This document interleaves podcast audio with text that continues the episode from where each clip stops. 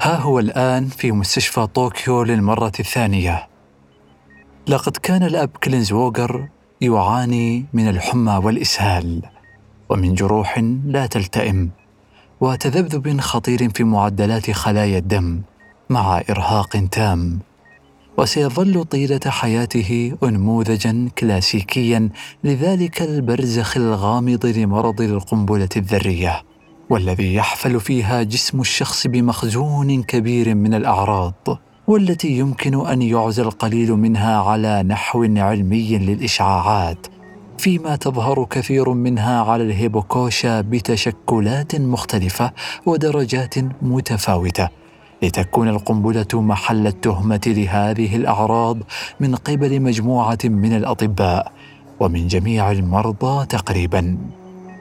عاش الأب كلينز ووغر حياة البؤس هذه حاملا بين جنبيه روحا معطاءة ومتنكرة للذات على نحو مذهل.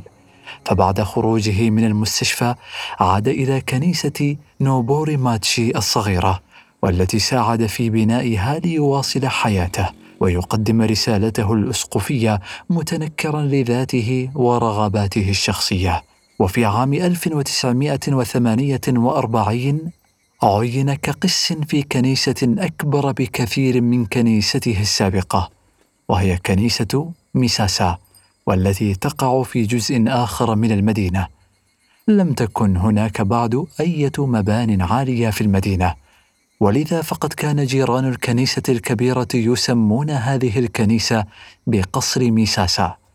كان دير الراهبات التابع لنظام معاونو الأرواح المقدسة ملتصقا بالكنيسة وتسكنها مجموعة من الأرواح النقية التي نذرت نفسها للخدمة وإلى جانب واجباته المعتادة كقس كتقديم القداس وسماع الاعترافات وعقد دروس الكتاب المقدس فقد كان أيضا يرتب أمر خلوات راهبات الدير واعتكافهن ويدير شؤونها لمدة تمتد لثمانية أيام ويقوم فيها بإرشادهن يوما بيوم فيما تحافظ الراهبات على صمتهن. لم تنقطع زياراته لساساكي سان وغيرها من مرضى وجرحى الهيبوكوشا حتى إنه كان يرعى ويعتني بأطفال الأمهات الصغيرات أثناء غيابهن. وكثيرا ما كان يذهب إلى إحدى المصحات في ساياغو وتستغرق رحلته ساعة بالقطار من المدينة وذلك من أجل مواساة المصابين بداء السل. وقد دخل الاب كلينزووغر للمستشفى مرتين أيضا للعلاج في طوكيو وكلتيهما لمدة وجيزة. كان زملاؤه اليسوعيون الألمان يشعرون بأنه مبالغ جدا في اهتمامه بالآخرين في مقابل عدم الاهتمام بنفسه بالقدر الكافي. وإذا تجاوزنا روح العناد التي يتحرك بها لإنجاز مهامه فقد تطبع بروح إنريو اليابانية والتي تحمل صاحبها على الانسلاخ من رغبته مقدما لرغبات الآخرين. كانوا يعتقدون بأنه قد يهلك نفسه حقيقة بطيبته الزائدة. ويصفونه بأنه rücksichtsvoll جدا. مهتم بالآخرين جدا. فعلى سبيل المثال حين وصلته هدايا من الأطعمة الشهية من بعض أقاربه في ألمانيا قام بتوزيعها جميعا. وعندما حصل على بعض البنسلين من أحد أطباء الاحتلال قام بإعطائه لبعض أفراد رعيته ممن كان مريضا كما كان. ومن بين الأمور الكثيرة التي كان يشتكي منها إصابته بمرض الزهري. والذي أصيب به نتيجة نقل دم في إحدى المستشفيات وقد شفي منه في نهاية المطاف. وكان يعطي دروسا في التعليم المسيحي في الوقت الذي كان مصابا فيه بالحمى. كانت مدبرة الكنيسة تراه يسقط منهارا على وجهه عند عتبات منزله بعد أن يعود من مشوار دعوي طويل في مشهد يعبر عن هزيمة مطلقة. وفي اليوم التالي كان يخرج للشوارع مرة أخرى وتدريجيا وعلى مدى سنوات من هذا العمل المتواصل اجتمع لديه حصاد متواضع حوالي أربعمائة معمد وقريبا من أربعين عقد زواج. كان الأب كلينزووغر يحب اليابانيين ويحب عاداتهم وكان أحد زملائه وهو الأب بيرزي كوفار يقول مازحا إن الأب كلينزووغر متزوج من اليابان. بعد فترة وجيزة من انتقاله إلى كنيسة ميساسا بلغه خبر قانون جديد يتعلق بملف التجنيس قد تم إقراره في البرلمان مؤخرا. كان هذا القانون يحدد متطلبات الحصول على الجنسية في الأمور التالية. أن يقيم الشخص في اليابان مدة خمس سنوات على الأقل. وأن يكون متجاوزا للعشرين سنة وسليما عقليا وحسن السيرة والسلوك قادرا على إعالة نفسه وقادرا على القبول بجنسية واحدة. سارع إلى تقديم الوثائق الدالة على أن جميع هذه المتطلبات متحققة فيه وبعد بضعة أشهر من النظر في ملفه تم قبول طلبه. سجل نفسه كمواطن ياباني تحت اسم سيحمله من الآن فصاعدا. الأب ماكوتو تاكوكورا ولبضعة أشهر في ربيع وصيف عام 1956 ساءت حالته الصحية أكثر وأكثر. فانتقل ليملأ فراغا مؤقتا في كنيسة صغيرة في مقاطعة نوبوري ماتشي وقبل خمس سنوات من انتقاله لهذه الكنيسة كان القس كيوتشي تانيموتو والذي كان يعرفه الأب تاكا كورا جيدا يعطي دروسا في الكتاب المقدس لمجموعة من الفتيات اللاتي شوهت وجوههن بالجدرة. كن يلقبن بعذراوات هيروشيما. وفي وقت لاحق أخذ بعضهن إلى الولايات المتحدة لإجراء عمليات تجميل. إحداهن كانت تدعى توموكو ناكاباياشي. كانت قد تنصرت على يد الأب تاكا كورا وتم تعميدها على يده أيضا. كانت الآن ممددة على طاولة العمليات في مستشفى جبل سيناء في مدينة نيويورك ميتة. ثم حمل رماد جثتها لعائلتها حين عادت المجموعة الأولى من العذراوات إلى هيروشيما في ذلك الصيف من عام 1956 وألقي عبء التحضير لجنازتها على أكتاف الأب تاكا كورا وأثناء إقامة مراسمها كاد يغمى عليه. في نوبوري ماتشي كان يزور أما مع ابنتيها لإرشادهن وتعليمهن. وكن من عائلة ثرية ومثقفة تدعى ناغانيشي فكان يذهب إليهن سيرا على الأقدام كل مساء سواء كان محموما أو غير محموم. وفي بعض الأحيان يصل إلى منزلهن مبكرا فكان يذهب ويجيء ماشيا في الشارع المقابل للبيت فإذا جاءت الساعة السابعة تماما أقبل على الباب ودق الجرس وحين يدخل ينظر إلى نفسه في مرآة الممر فيرتب شعره وهندامه ثم يدلف لغرفة المعيشة ويظل عندهن لمدة ساعة يعلمهن وبعد انتهاء الساعة تقوم بنات النجانيشي بتقديم الشاي وبعض الحلويات. يتجاذب أطراف الحديث حتى الساعة العاشرة تماما. كان يشعر وهو في هذا البيت بأنه في منزله. وأصبحت البنت الصغرى هايساكو مخلصة ومتفانية له. وبعد ثمانية عشر شهرا تفاقمت أعراض مرضه المتنوعة على نحو سيء جدا مما سيضطره للدخول للمستشفى مرة أخرى. وقبل يوم من ذهابه للمستشفى طلبت منه هايساكو أن يقوم بتعميدها ففعل. ودخل مستشفى الصليب الأحمر في اليوم التالي ليظل فيه لمدة عام كامل. أكثر ما كان يشكو منه ويثير قلقه التهاب غريب في أصابعه والذي يسيل منه القيح والصديد. ولا يبدو أنه يتماثل للشفاء كما كان يعاني من الحمة ومن أعراض شبيهة بأعراض الإنفلونزا. كان تعداد خلاياه البيضاء منخفض على نحو خطير وكان يعاني من ألم في ركبتيه بل ويعاني من ألم في جميع مفاصله الأخرى. تم إجراء عملية لأصابعه وبدأت تتماثل للشفاء تدريجيا وكان يعالج من نقص كريات دمه البيضاء. وقبل خروجه من المستشفى لاحظ طبيب العيون أن لديه سد القنبلة الذرية. عاد بعد خروجه من المستشفى إلى رعايا كنيسة ميساسا الكبيرة ولكن صعب عليه أكثر وأكثر تحمل ذلك الحمل الزائد الذي كان يحبه ويعتز به وعانى فجأة من ألم في الظهر وبعد فحصه أخبره الأطباء أنها بسبب حصوات الكلى والتي استطاع التخلص منها. كان يجر ذاته ماضيا في أيامه. منهكا نفسه بجهد يفوق طاقتها.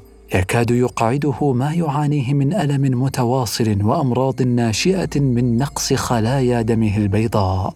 وأخيرا وفي عام 1961 اتخذت الأسقفية قرارا رحيما بنقله إلى كنيسة صغيرة جدا في بلدة مويوكاهارا حيث يقطن الدكتور ساساكي بعيادته الخاصة المزدهرة. كان مجمع تلك الكنيسة يقف على ذروة مرتفعة تطل على المدينة وفي حدوده كنيسة صغيرة تحتوي على طاولة من خشب البلوط تؤدي دور المذبح.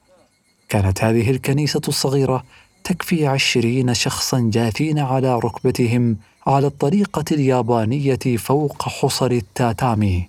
وفي المجمع أيضا بيت قس ضيق يقف فوق تلة.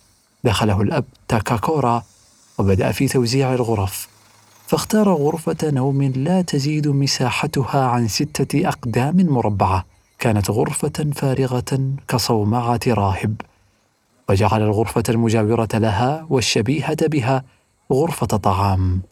أما المطبخ والحمام فقد كانت في الجهة المقابلة لها مظلمة وباردة وصغيرة كبقية الغرف.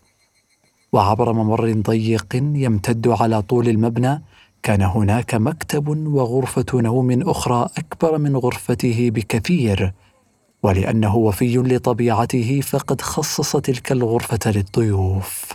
ومن حين وصل لهذه الكنيسة شعر باتقاد حماسته. لقد كان مدفوعا بفكرة أن أفضل وقت لاصطياد الأرواح قبل نضجها ولذا فقد رتب مع بعض البنائين لإضافة غرفتين للكنيسة وأسس فيها روضة القديسة مريم. وهكذا بدأت فصول حياة قاتمة لأربعة كاثوليك القس وأختين يابانيتين لتعليم الأطفال وامرأة يابانية لطهي الطعام. قليل من المؤمنين كانوا يجيئون إلى الكنيسة. كانت رعيته تتألف من أربع عوائل متحولة سابقا للنصرانية. يشكلون جميعا عشرة مؤمنين فقط وقد يتغيبون جميعا يوم الأحد فلا يحضر أحد القداس. وبعد فترة نشاط استمتع بها عادت قوة الأب تاكاكورا لضعفها سريعا. كان يستقل القطار اسبوعيا متوجها إلى مستشفى الصليب الأحمر في هيروشيما لإجراء فحص طبي عام. وحين يصل لمحطة هيروشيما فإنه يلتقط كتيبا يمثل بالنسبة له مادة قرائية لذيذة في رحلته. جداول زمنية توضح جدول سير القطارات في جميع أنحاء جزيرة هونشو. كان الأطباء يحقنونه بالمنشطات في مفاصله المؤلمة ويعالجون تلك الأعراض المزمنة الشبيهة بالإنفلونزا ومرة أشار إلى أنه وجد آثار دماء في ملابسه الداخلية والتي خمن الأطباء أنها جاءت نتيجة حصى كلى جديدة. حاول في بلدة موكاياهارا ألا يتميز عمن حوله قدر وسعه وأن يكون يابانيا قدر الإمكان فكان يرتدي أحيانا ملابس يابانية كما لم يكن راغبا في أن تبدو حياته مترفة فكان لا يشتري اللحم ابدا من السوق المحلية ولكنه أحيانا يشتريها ويهربها من خارج المدينة. كان هناك قس ياباني يدعى الأب هاشيغاوا وكان هذا القس يزوره في بعض الأحيان لرؤيته. كان معجبا بجهوده لتقمص دور الياباني على نحو مثالي لكنه وجد امورا متعددة تفضحه في كل مرة. وتدل على أنه واضح بأنه ألماني. كان لديه ميل مثلا للاندفاع لما يرغب في تنفيذه بنوع من العناد ساعيا لتجاوز المعوقات التي تواجهه بقوة دون أن ينصرف عن خطه المرسوم.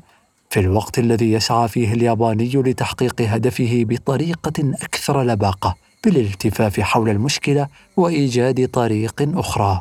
لاحظ أيضا أن الأب تاكاكورا كان يحترم على نحو صارم مواعيد الزيارة في المستشفى فمتى جاءه أناس لزيارته خارج أوقات الزيارة ولو من أماكن بعيدة فإنه يعتذر عن استقبالهم.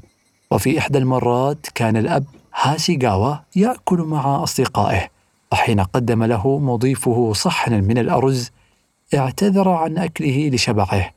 ولكن حين وضعت على الطاولة بعض المخللات اللذيذة تسبب ذلك في تحرك الذائقة اليابانية مطالبة بالمزيد من الأرز فقرر أن يأخذ صحن أرز آخر. وهنا ثار الأب تاكاكورا مغضبا فبحكم طبيعته الألمانية كان يتساءل كيف يمكنه أن يأكل الأرز مع المخللات؟ وفي الوقت الذي كان عاجزا عن أكل الأرز وحده خلال هذه الفترة أجرى الدكتور روبرت جي ليفتون عددا من اللقاءات والمقابلات مع أناس كثر. كان الأب تاكاكورا واحدا منهم وذلك أثناء إعداده لكتابة كتابه الموت في الحياة الناجون من هيروشيما. وفي أحد تلك اللقاءات ألمح القس إلى أنه كان يشعر بأن وصف الهيبوكوشا هو الأكثر تعبيرا عن هويته من كونه يابانيا. إذا أخبرني شخص بأنه منهك داروي.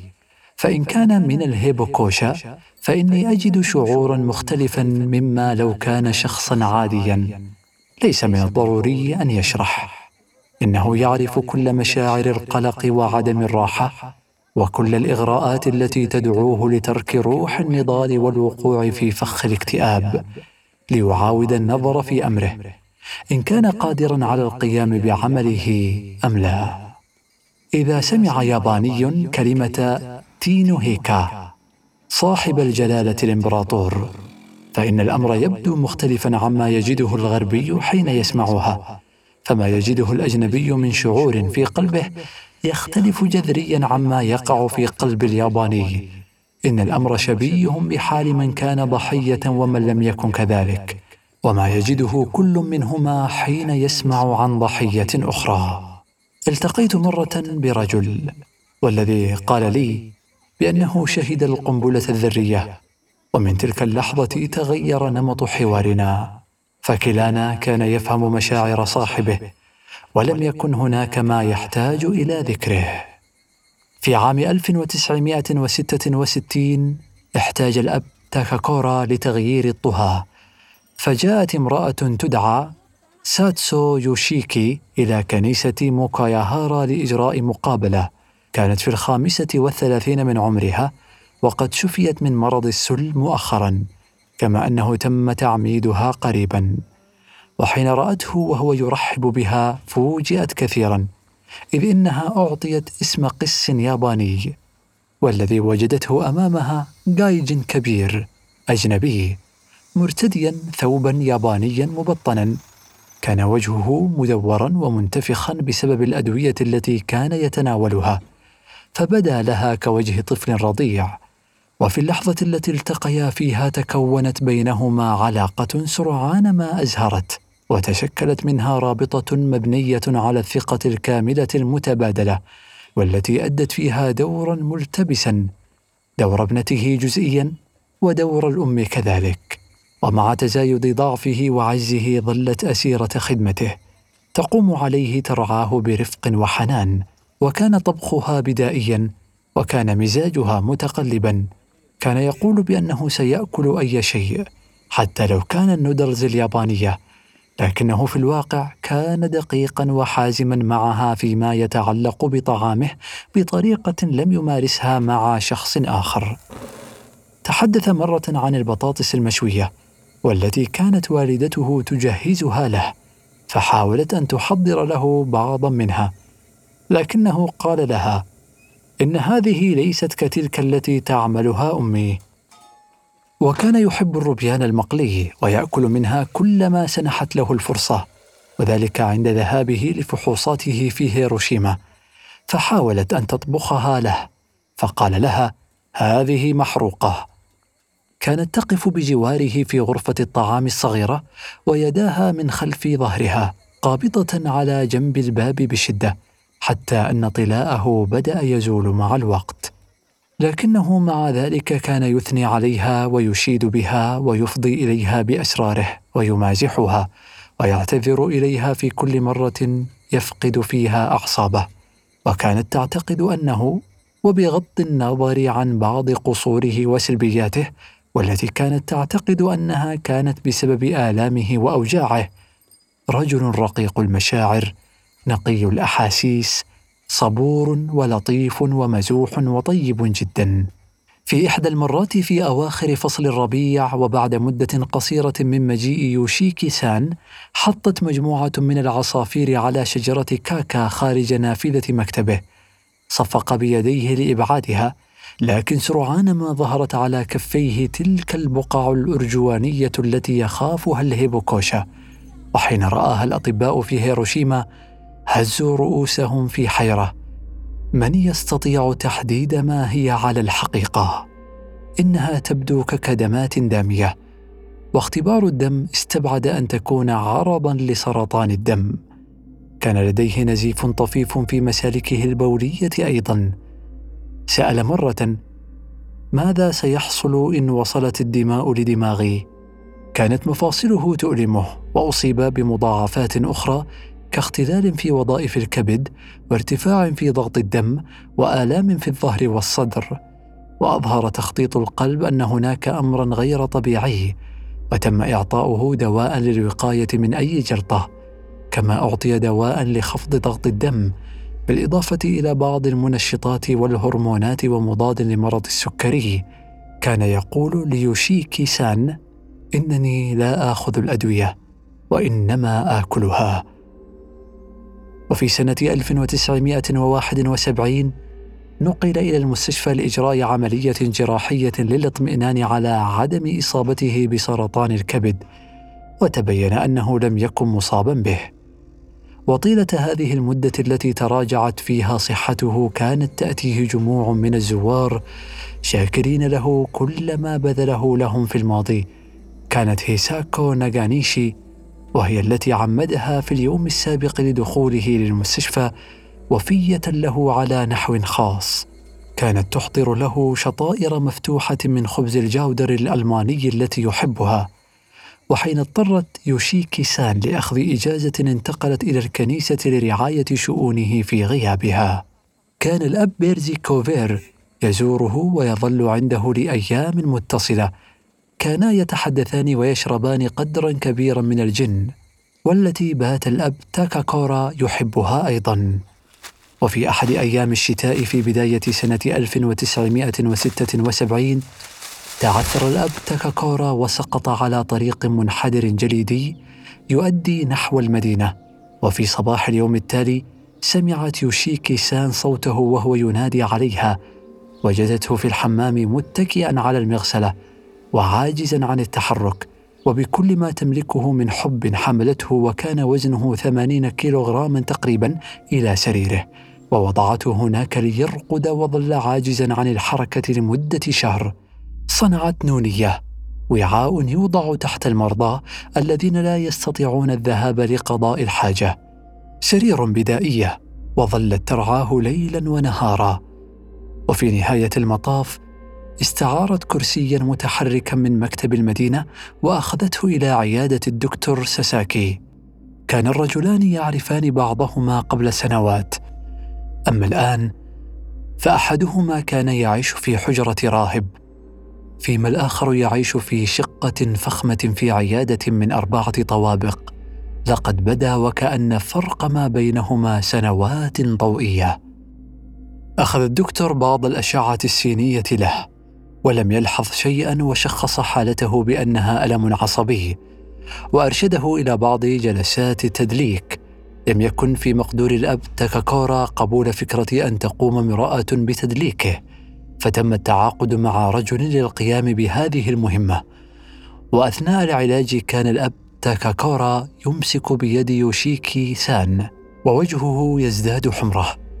كان الألم لا يطاق. واستاجرت يوشيكي سان سيارة لنقل الأب تاكاكورا إلى مستشفى الصليب الأحمر بالمدينة.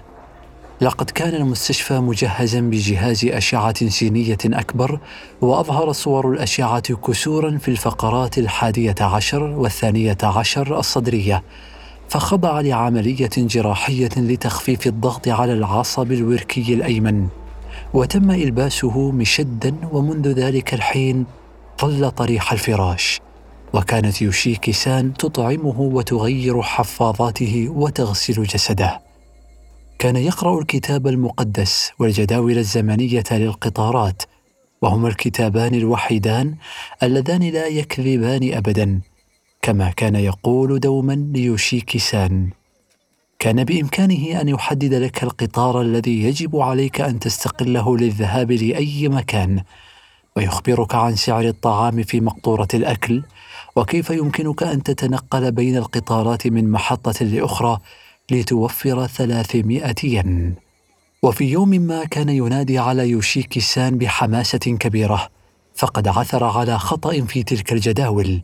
فقط الكتاب المقدس يقول الصدق أقنعه زملاؤه من القساوسة أخيرا بالذهاب إلى مستشفى القديس لوغا في كوبي.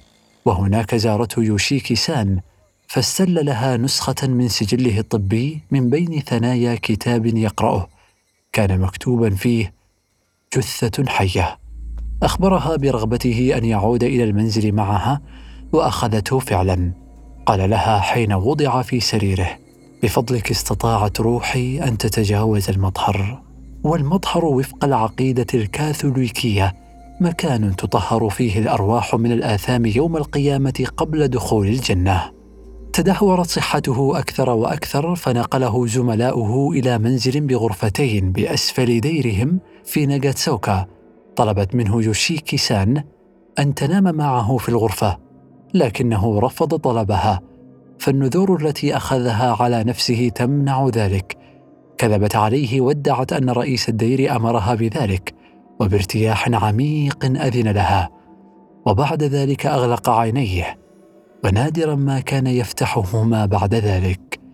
كانت تطعمه الآيس كريم فقط وحين كان يأتيه الزوار كان كل ما يمكنه قوله شكرا لكم. ثم دخل في غيبوبة. وفي يوم التاسع عشر من نوفمبر سنة 1977 للميلاد وبحضور طبيب وقس ويوشيكي سان أخذ هذا الرجل نفسا عميقا. ومات. دفن بعد ذلك في بستان الصنوبر الهادئ في أعلى تل مطل على الدير. لاحظ الآباء والإخوة من دير ناغاتسوكا على مر السنين بأن قبره لم يخل تقريبا من زهور جديدة موضوعة عليه.